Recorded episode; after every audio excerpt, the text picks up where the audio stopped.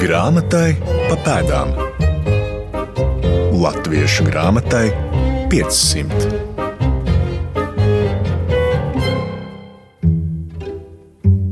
Vai zinājāt, ka arī afišas var lasīt kā grāmatu? Un veidojot šo raidījumu, tādus pamatīgus afišu sējumus arī apskatīju.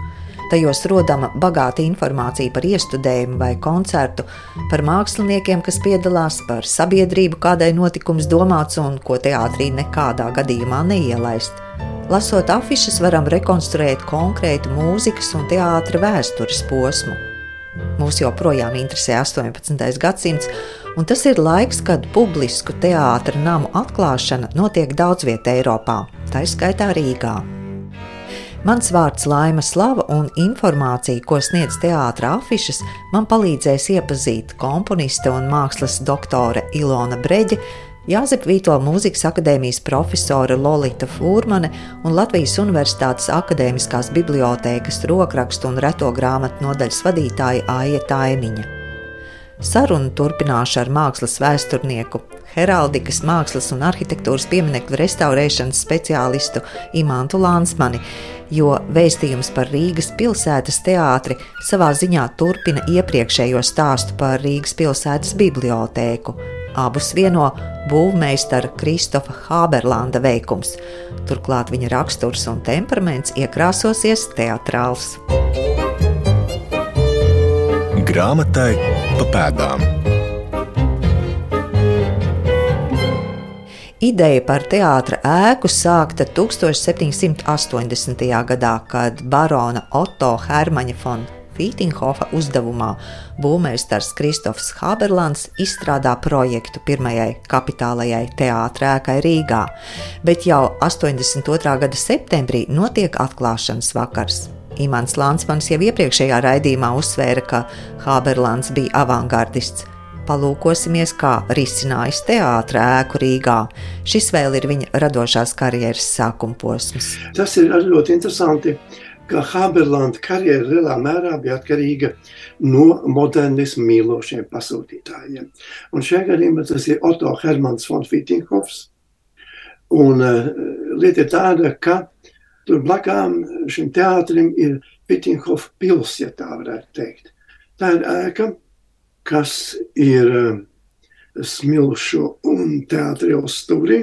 Diemžēl pārbūvēta, bet savā laikā varētu teikt, tas bija tāds īsts von Fittinghofa palasts, īsta pils ar skaistu rokoko fasādi, no kā joprojām mēs varam redzēt ļoti jauks uh, rokoko stila rotājums ap logiem. Un tieši blakām tātad Pitinkovs grib uzcelt sev privāto teātri. Un tā ir tāda īsta apgaismības laika ideja.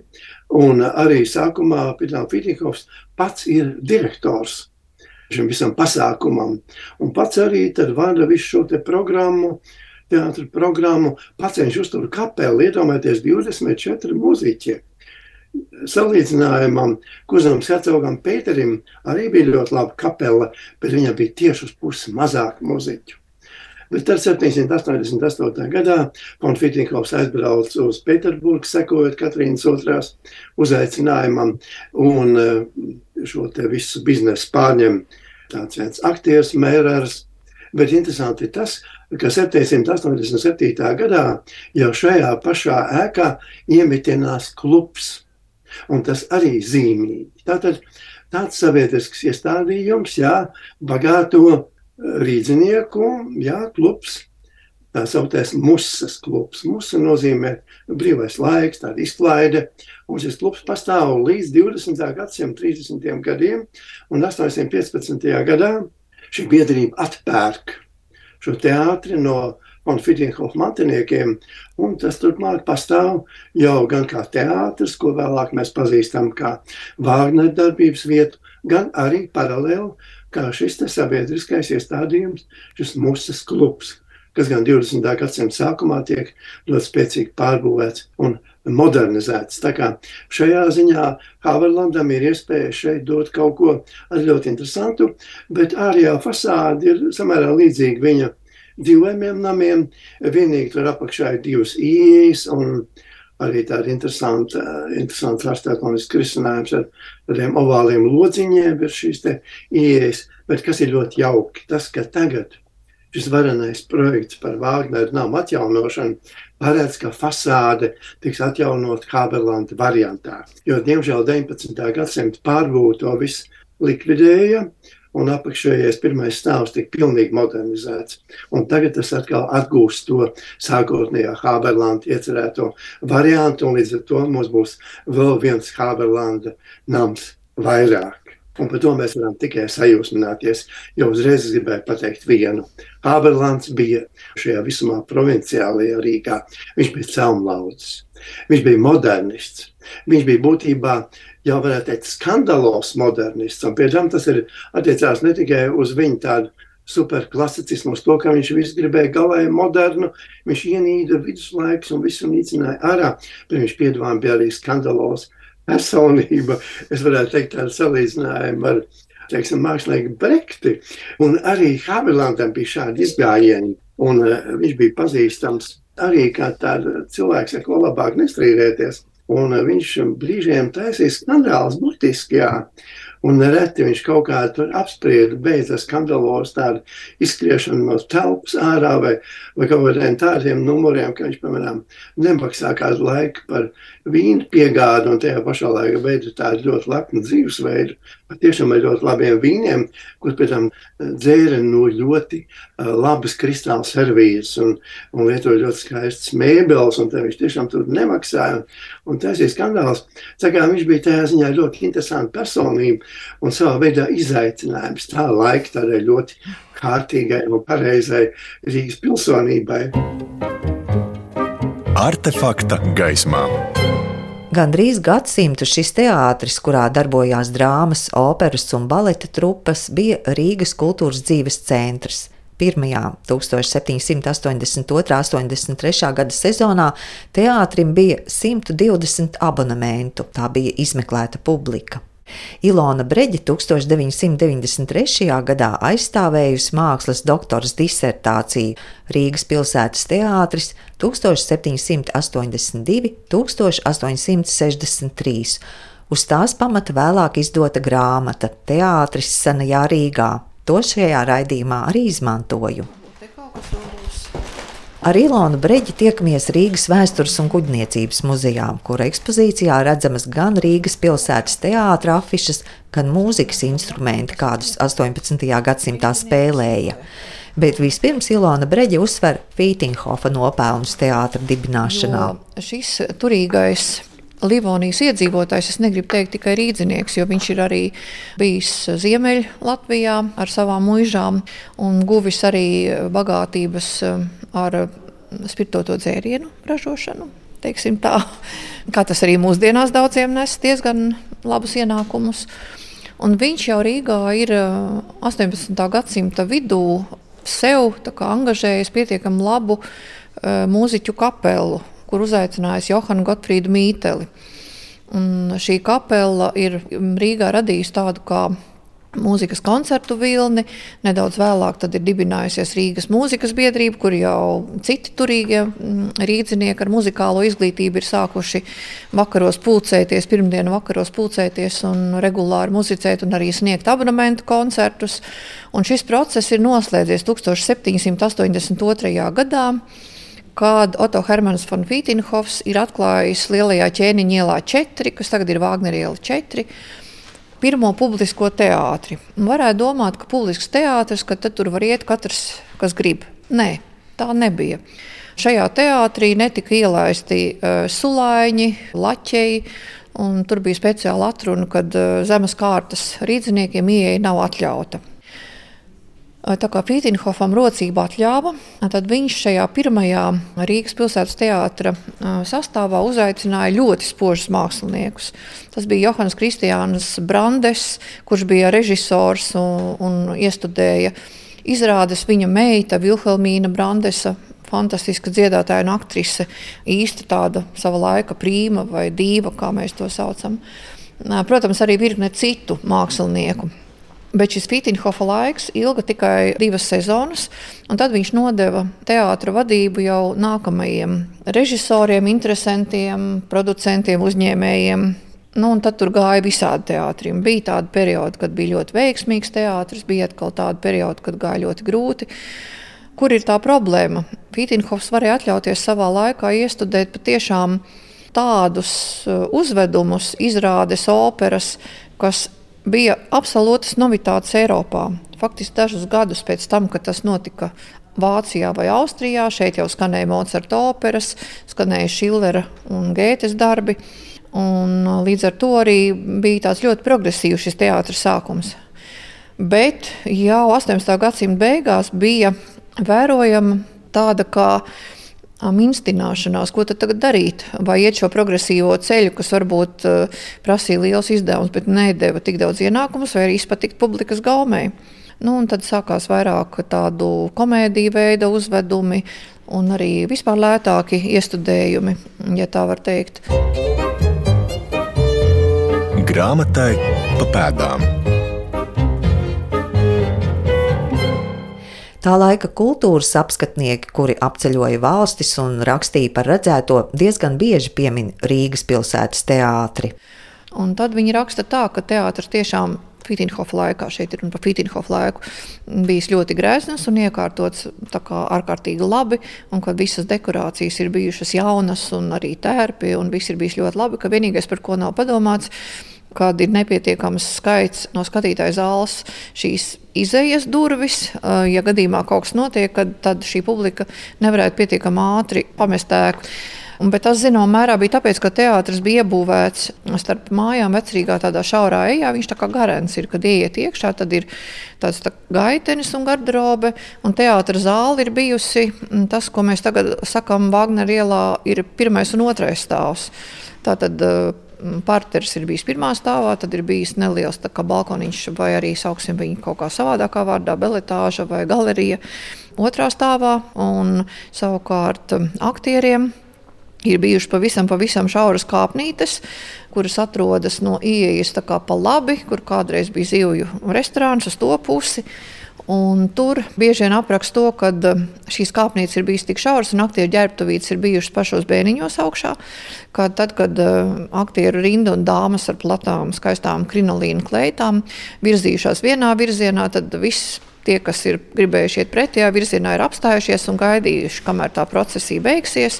Tad viņi tikai ir varējuši pretējā virzienā uzsākt savu Muzeja ekspozīcijā varam skatīt teātra atklāšanas afišu, kas mūsdienu skatītāju acīm ir neliela izmēra, taču sniedz tik vērtīgu informāciju par to, ka vakars atklāts ar Lesinga traģēdiju Emīlija Galotī un Fokta baletu Dejas svētki. Un afišā jau mēs arī redzam, ka um, Emīlijas lomā ir bijusi Mademoiselle Brandesa, tātad Mīna Brandesa, Vilhelmīna Brandesa jau.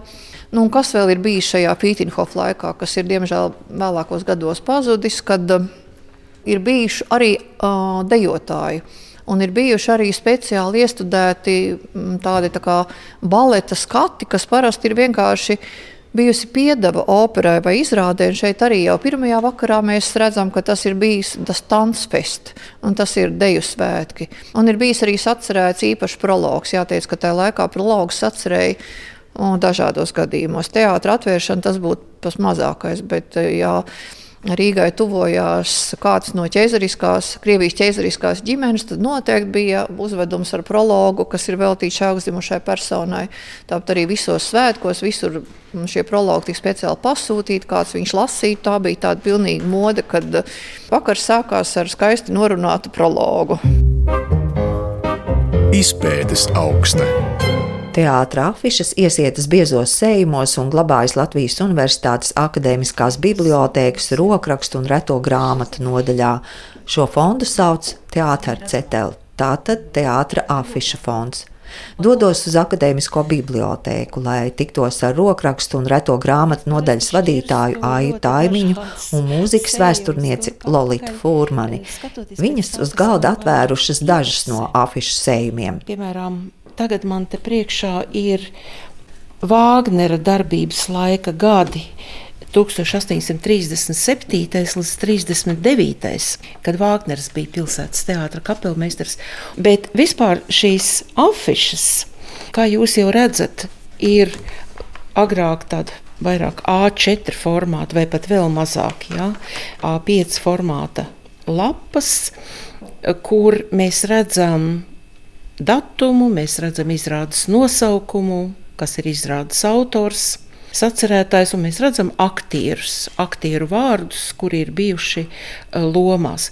Bet šeit ir, protams, katra gada afišu iesējumā ir gan dramatiskās izrādes, gan muzikālās izrādes, jo bija divas trupas.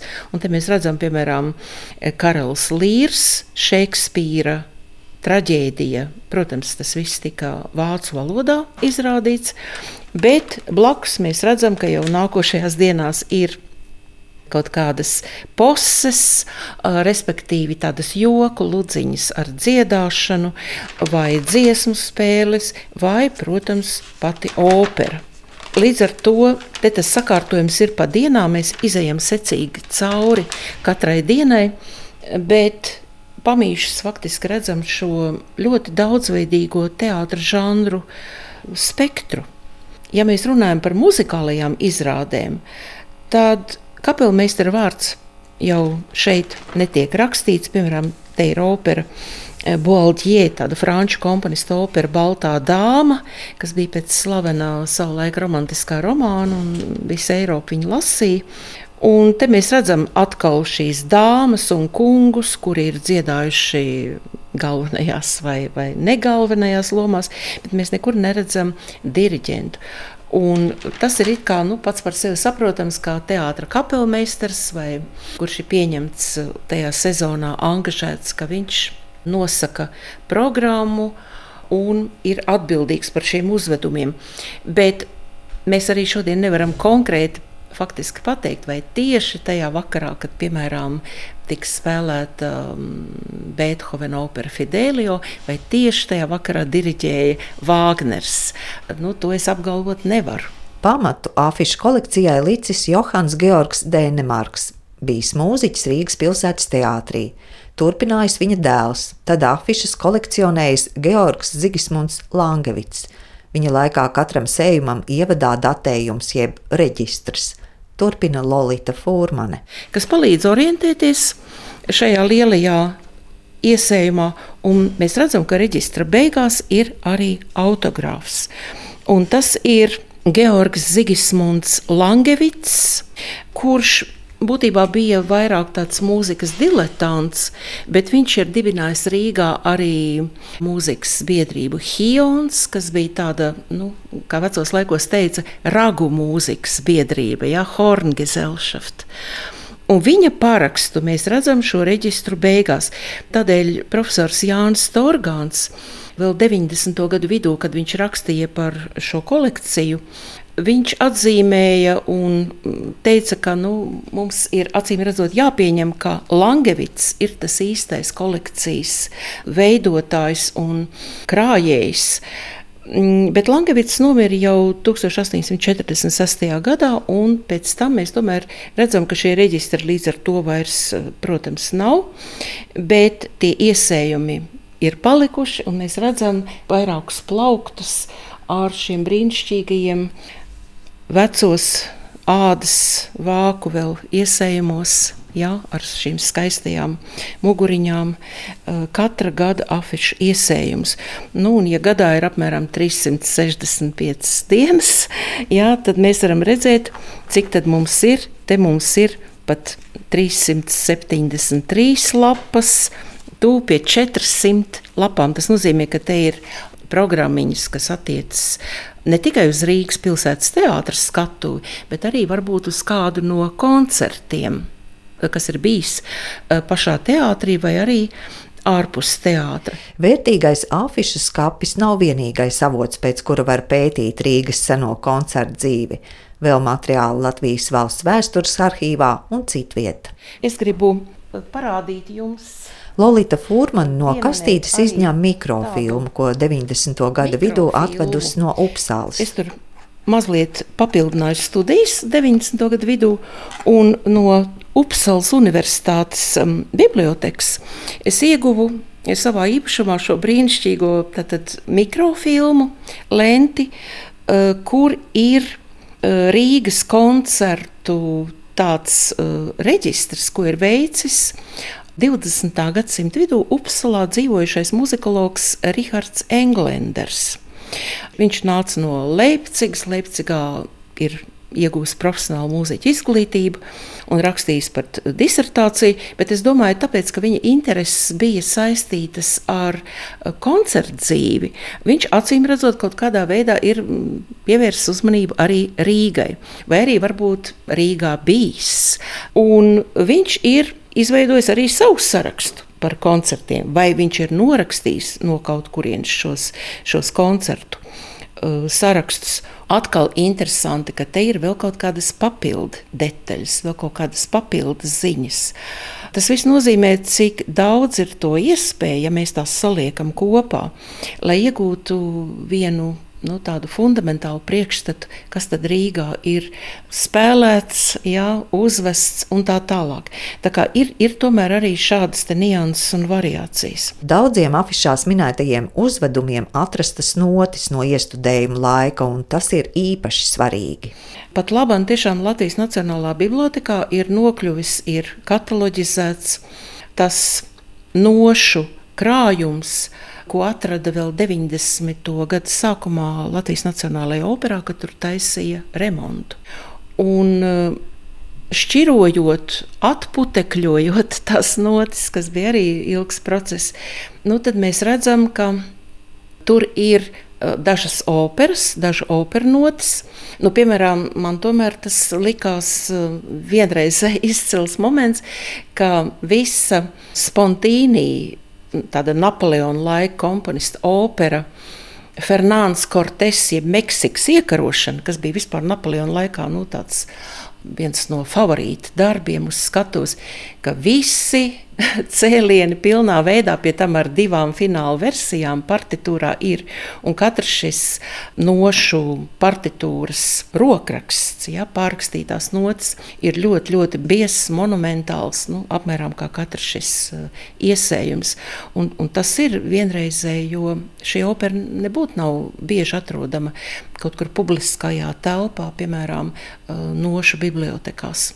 Ļoti daudz ir, protams, operetes un dziesmu spēles, un šīs joku ludziņas, poses, satīriski, farsi ar dziedāšanu. Bet es gribētu teikt, ka nevajag to uztvert nu, tā, ka tas ir tāds galīgi zemē metams materiāls, un ka tam nav nekāda vērtība, un mēs jau tikai to operu gribam, un tikai to Šekspīru vai Gēti. Tas liecina par kaut ko šie uzvedumi, šie kvodlibeti, respektīvi, kvodlibeti, kā jums labāk tīk, es varu uh, samičot. Kā itāļu salātos, ja es varu samičot dažādas lapiņas, dažādas fragmentus no dažādām populārām sava laika kompozīcijām. Es domāju, ka cilvēks, kurš aiziet uz šādu kvadlibetu, tā ir viņa tāda kā testēšana. Jo smieties jau var tad, ja tu pazīsti kaut ko.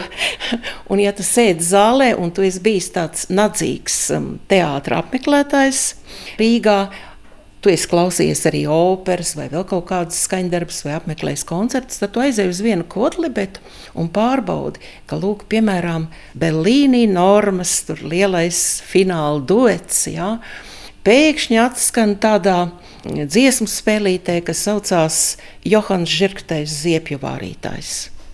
Ja, kas ir lielisks vācu tautas gabals ar dziesmām. Bet, ja mēs paskatāmies, ko tas Johans tajā brīdī, kad tur ir tā muzikālā sadaļa, ko viņš dzied, jo viņš ir tādā brīdī, kad nu, Visi viņam metās tur virsū, un viņš ir pārpilns ar stresu. Viņam, viņam nav kur likties, viņš nezina, ko darīt. Tad viņš sāk dziedāt, bet ko viņš dzied?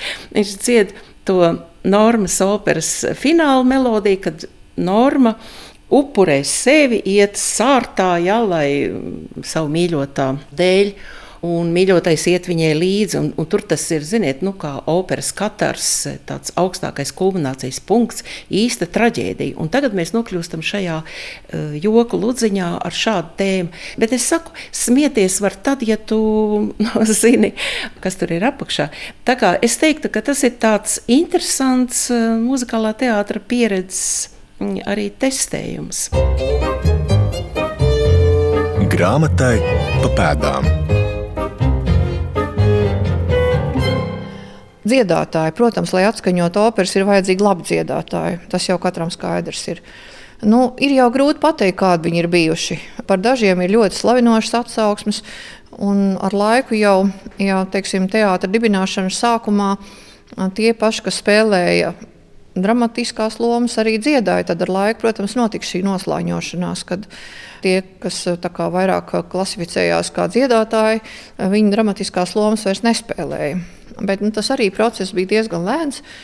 Viņš notika tā ļoti pakāpeniski, un faktiski tāda īsta noslēņošanās, tā kad ir vai nu aktieris vai dziedātājs, bija tikai 19. gadsimta 20. un 30. gadi. No instrumentiem paskatāmies. Muzeja ekspozīcijā aplūkojam 18. gadsimta mūzikas instrumentus, kādi tikuši spēlēti arī Rīgas pilsētas teātrī. Protams, arī teātris. Neliela orķestra bedrīte ir bijusi, pavisam maza. Tajā laikā, kad uh, tas bija 18. gadsimta beigās, tur bija pietiekami, jo tur bija no katras stīga instrumentu grupas pa kādam instrumentam, nu, pa kādai pultī, teiksim tā. Nu, daži pūtēji, varbūt flauta, oboja, klarnetīte, fagots, kāds mežraks un ar to arī viss.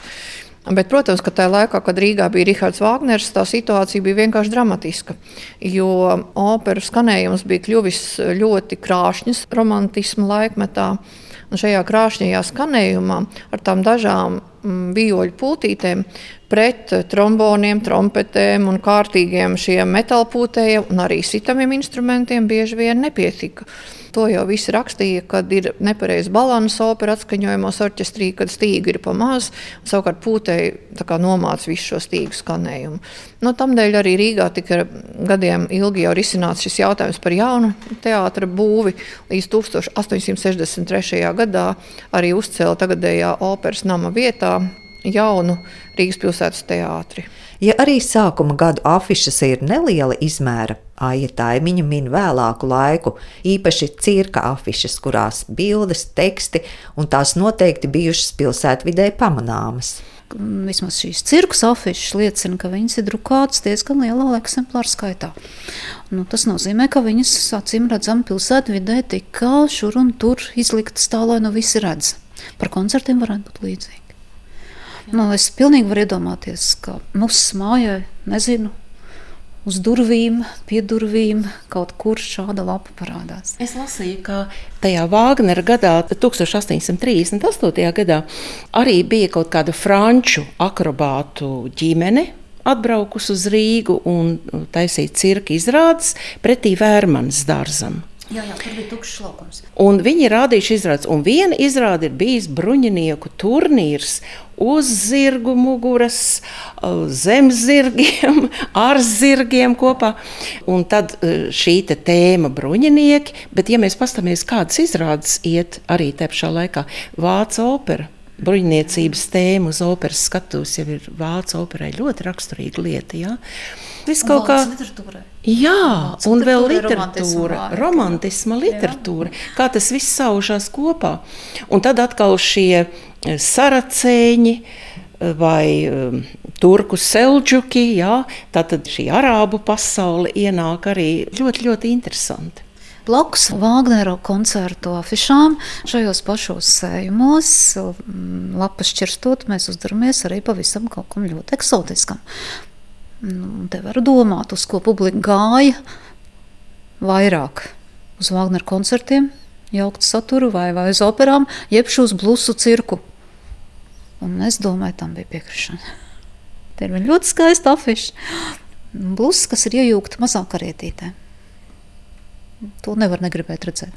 Bet, nu, kā jūs redzat, jā, tās cirka afišas ir vienkārši fantastiskas. Viņu ir daudz, un mēs redzam nu, gan maskas, gan žonglierus, gan dresētājus, gan ugunsrijējus un eksotiskie dzīvnieki. Nu, kad vēl rīznieks būs redzējis krokodīlu, jā, bet nu, tā tad kaut kādā veidā viņš laikam te ir nokļuvis. Ieja sākot no pulkstenes pieciem, jā? Jā. Jā. Pūkstens pieciem, nu droši vien tādēļ, lai pēc tam varētu vēl dejot, kur tiek Nu, Vēl pāršķirs tām afišas. Jā, un te jau ir jau otrais vakars, 16. septembris, arī Lūga. No Gocija, no itāļu dramaturga tulkojums, tātad vācu valoda. Jā, un tagad jau ir, varētu teikt, opera.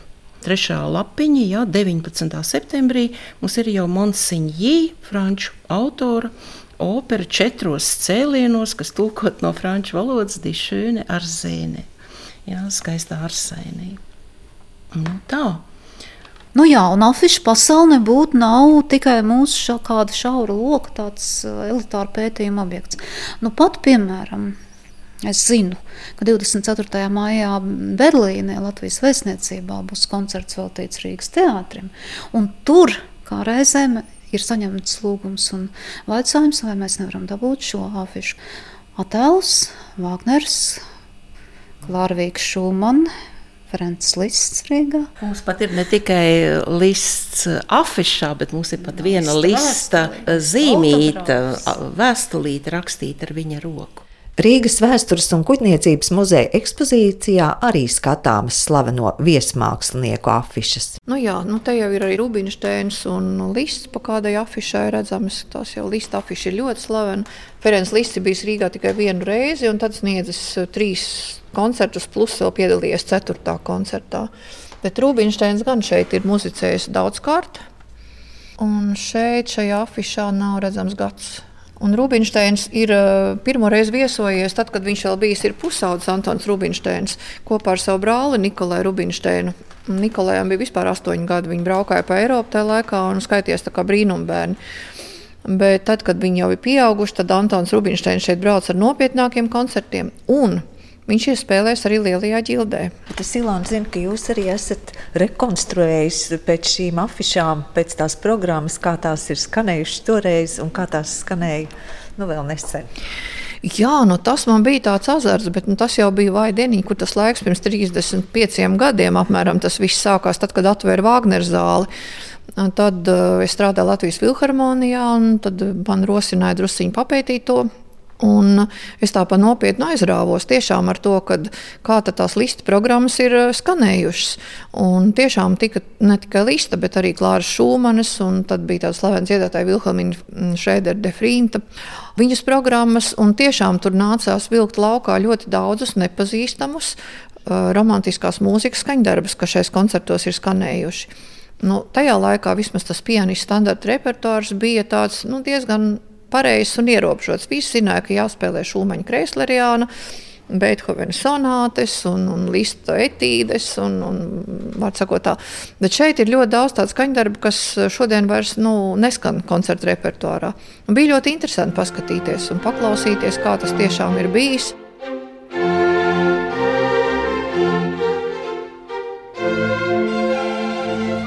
Bet es nezinu, kā tas nāca, kad eh, tie koncerti notika. Notika arī šie festivāli, mūsu festivāli. Un tā mūzika skanēja, un tas bija kaut kas jauns, kas nebija padomu laikā ļauts to celt gaismā un par to runāt. Un cilvēki nāca un klausījās.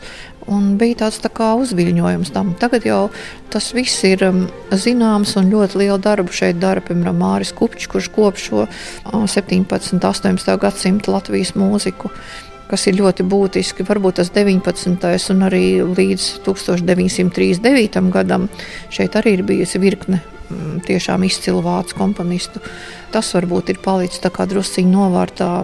Un drusku man žēl, jo šie baltvācu komponisti, kas šeit Latvijā dzīvoja, Mēs viņus neuzskatām par savējiem. Mums viss sākās ar Latvijas vispārējiem dziesmu svētkiem, ar Jurijānu Andreju, pirmo simfonisku opus un tā tālāk. Savukārt Vācijā viņus arī neuzskata par savējiem, jo viņi jau faktiski Vācijā nav dzīvojuši. Viņi jau ir dzīvojuši šeit, un tur ir pašiem vācu lielie komponisti, un tad viņi tā kā paliek novārtā mazliet. Bet faktiski tā ir ļoti kvalitatīva profesionāla mūzika, kas šeit ir bijusi Latvijā jau 18. gadsimtā un 19. gadsimtā. Nu, labi, vācu valodā dziesmas, bet kameru mūzika, simfoniskā mūzika. Tā taču ir starptautiska valoda. Šodien iepazinām Rīgas pilsētas teātra norises, ko līdz mūsdienām glabā afišas, trauslas papīra lapas, iesietas biezos sējumos, katra afiša unikāls materiāls. Ar saviem pētījumiem šajā reizē dalījās Lorita Fūrmane, Aija Taimiņa, Ilona Breģe un Imants Lānsmanis. Raidījumu sagatavoja un par skanējumu rūpējās Nora Mītspapa, producēja Santa Lauga, ar jums sarunājās Laima Slava. Raidījuma padomdevējs Latvijas Nacionālā un Latvijas Universitātes Akademiskā bibliotēka. Pēc nedēļas komponista Johana Gotfrīda Mīteļa pēdas meklēsim ne tikai Svētā Pētera baznīcā Rīgā, bet arī Bāzeles arhīvos.